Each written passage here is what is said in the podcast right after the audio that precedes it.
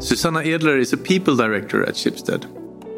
Needless to say, she works with human resources. In this episode, we talk about talent management, how to remain sane in the home office, and what sort of responsibility companies like Schibsted have when it comes to diversity and inclusion.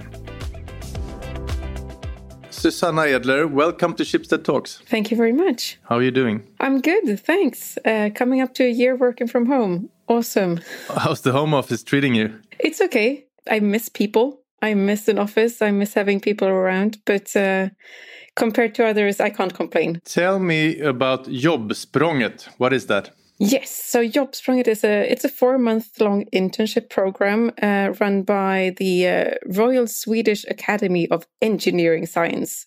Well, for short, it's IVA. They have a, a mission from the Swedish government actually to connect newly arrived non European academics. Non European academics. Correct, mm-hmm. yes, with Swedish employers to shorten the time to come to market. Uh, the the time for newly arrived non-Europeans in Sweden uh, before they actually get into employment is scaringly long. And this program is arranged to shorten that gap and to uh, to give people a chance to get into four month internships uh, in uh, interesting companies all over the country. That sounds like a wonderful thing. And and how does Schibsted cooperate with Jobbsprånget? So this is the first time we're doing it. We're trying it out. I'm very happy to say that we have two interns uh, on board right now one in the uh, BI team in the data tech organization, and one in my own organization. Oh. Uh, in my uh, people team.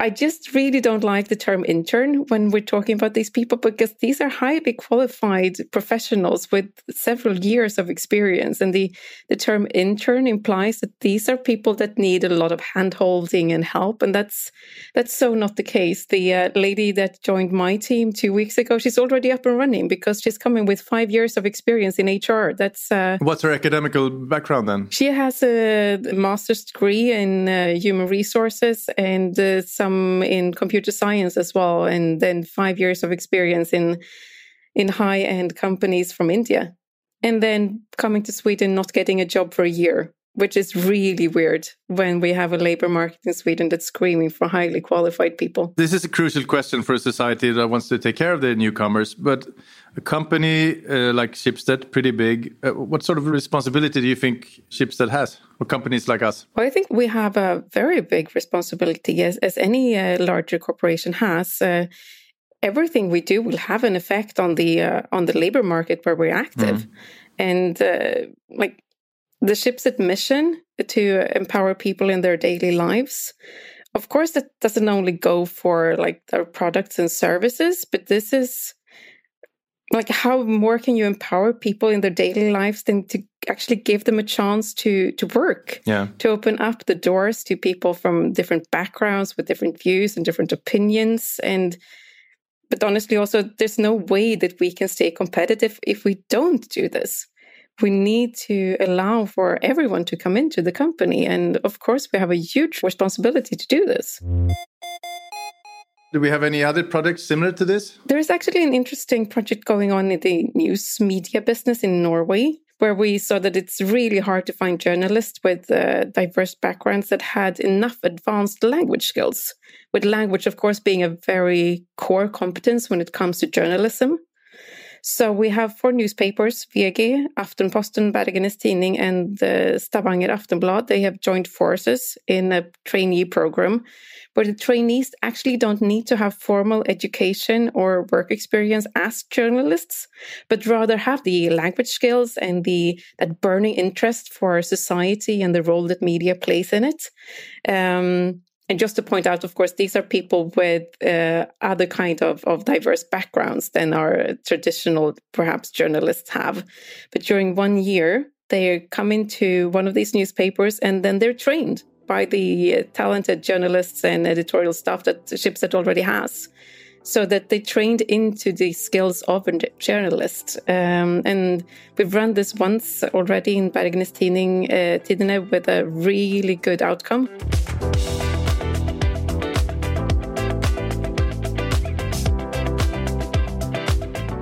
So, uh, when it comes to human resources, which topics are closest to your heart? It's kind of hard to pick, but um, I really do believe in the strategic power of HR, that HR is here to do business just as anyone else in the organization.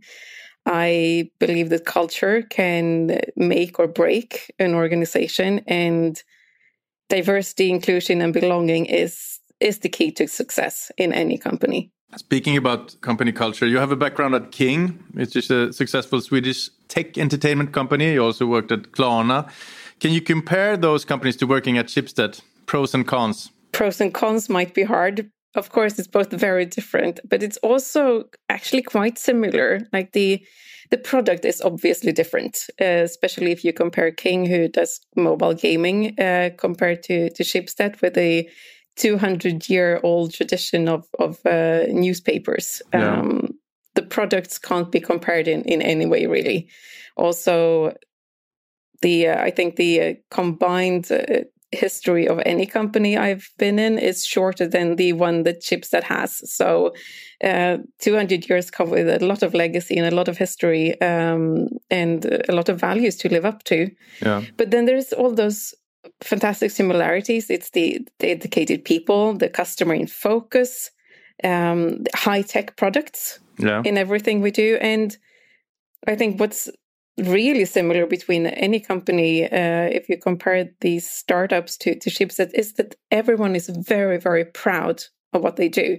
Yeah. It's an enormous pride in Schibsted in anything from from our newspapers with a high editorial content to to the next companies we have with like Lendo being the market leader or Finn in, in Norway being dominating in, in the marketplace there as well. It's um but immense pride in what we do and that we do it really well. You seem it's all positive now. There has to be some con. I tend to think it's pretty slow sometimes working for Schibsted. That depends. I think the Scandinavian culture in Schibsted is very present. It's a very, very Scandinavian company for good and bad. But mm. one thing we don't really have in Schibsted, uh, at least that I haven't seen, is the uh, hierarchies. Mm. That you tend to get lost in when you look at perhaps more uh, UK or American uh, structured companies. Mm. So I haven't really yet at least experienced that slow impact that you could that you mentioned the consensus part, though, that everyone should have a say and that we should all agree, that's uh, for sure visible in Schibsted, uh, perhaps more than in in uh, other campuses in East that I've been in. Yeah, I don't think it's Schibsted. It's just companies of this size, so it takes a bit longer. Everything. And again, going back to the history, that with 200 years, of course, there's legacy. Of course, there's this feeling of oh, we always done it that way, or we already tried that, so we're not going to try it again because it didn't work last time, and and that could always be a struggle to to to find the, that new way of, of doing things. And when it comes to your field, human resources, are there any ways that Schibsted can improve in these related questions? Of course. I mean, any company that uh, claims that they have mastered the field of HR is uh, definitely lying. Um, this is an ever evolving field. But Schibsted is actually going through a super interesting HR transformation right now as we speak. We're going from that more traditional HR structure where HR is more seen as the perhaps admin support to leaders. And we're taking a huge step forward into a modern, data driven, and strategic people organization. Um, it's it's kind of like if, if you picture the an internet bank where it's accessible and self-service 24-7 for all the users. Like when you do those um, you want to check your bank statement or you uh, you want to pay a bill. You don't want to wait for someone to to be open. You don't want to be put in line. You don't want to raise a ticket and, and have to wait for it. And that's that's the self-service and immediate access uh, we want our employees and leaders to have for those smaller tasks. And then having those experts ready to guide you when you need help when in the more complex areas. And we're building this organization right now. And perhaps this links well into your last question about the differences and the history of Schibsted that looking at the HR organization, perhaps this hasn't been the uh, the biggest focus uh, up until now. Uh, so the HR organization is uh, still a bit traditional in the way it's set up. But the leap we're making now with this HR transformation, it's not a small one. We're taking that big, big, giant leap forward to be in the forefront instead of HR and turning it into that people organization that uh, that will have a very big impact on everything we do going forward. This pandemic has been uh, uh hard on everyone. I figure it's, uh, it's, kind of hard for, for leadership as well. You know, not being able to meet people and uh, running companies via video meetings. Which are the most important learnings you made so far uh, on this topic? I just want to point out that these challenges were, of course, new for all of us, HR included. And um, a year ago, none of us had real experience in, in doing this and being remote. And um, but looking back over the year, it actually doesn't seem to be that complicated. It's still the same leadership skills that are required to uh, show your interest, to ask questions, to uh, listen to people, to react when you see that something is uh, is wrong or someone is struggling. You just need to do it more. You need to do it uh, with more heart, uh, perhaps more often. Uh, just break that barrier of not being physically in the same room. But it's no different leadership skills. It's just doing it more.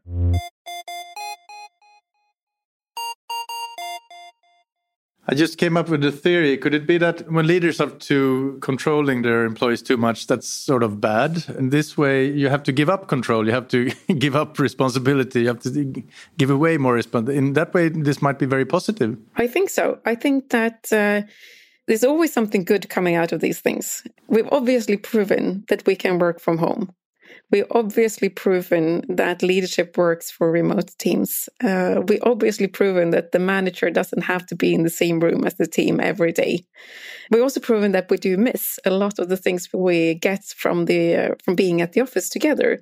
But perhaps it's been a bigger challenge for leaders who are have a more controlling leadership style. Controlling sounds like a really bad word, but but that need to get more into the details and perhaps easier for leaders who uh, who let uh, when it comes more natural for them to let their teams kind of run with it, but um, adapting to a more agile way of working, which is probably what everyone needs to do. Uh, this is perhaps just a giant leap forward for everyone and a really steep learning curve in how to do that and how to prepare for, for that kind of, of uh, working environment.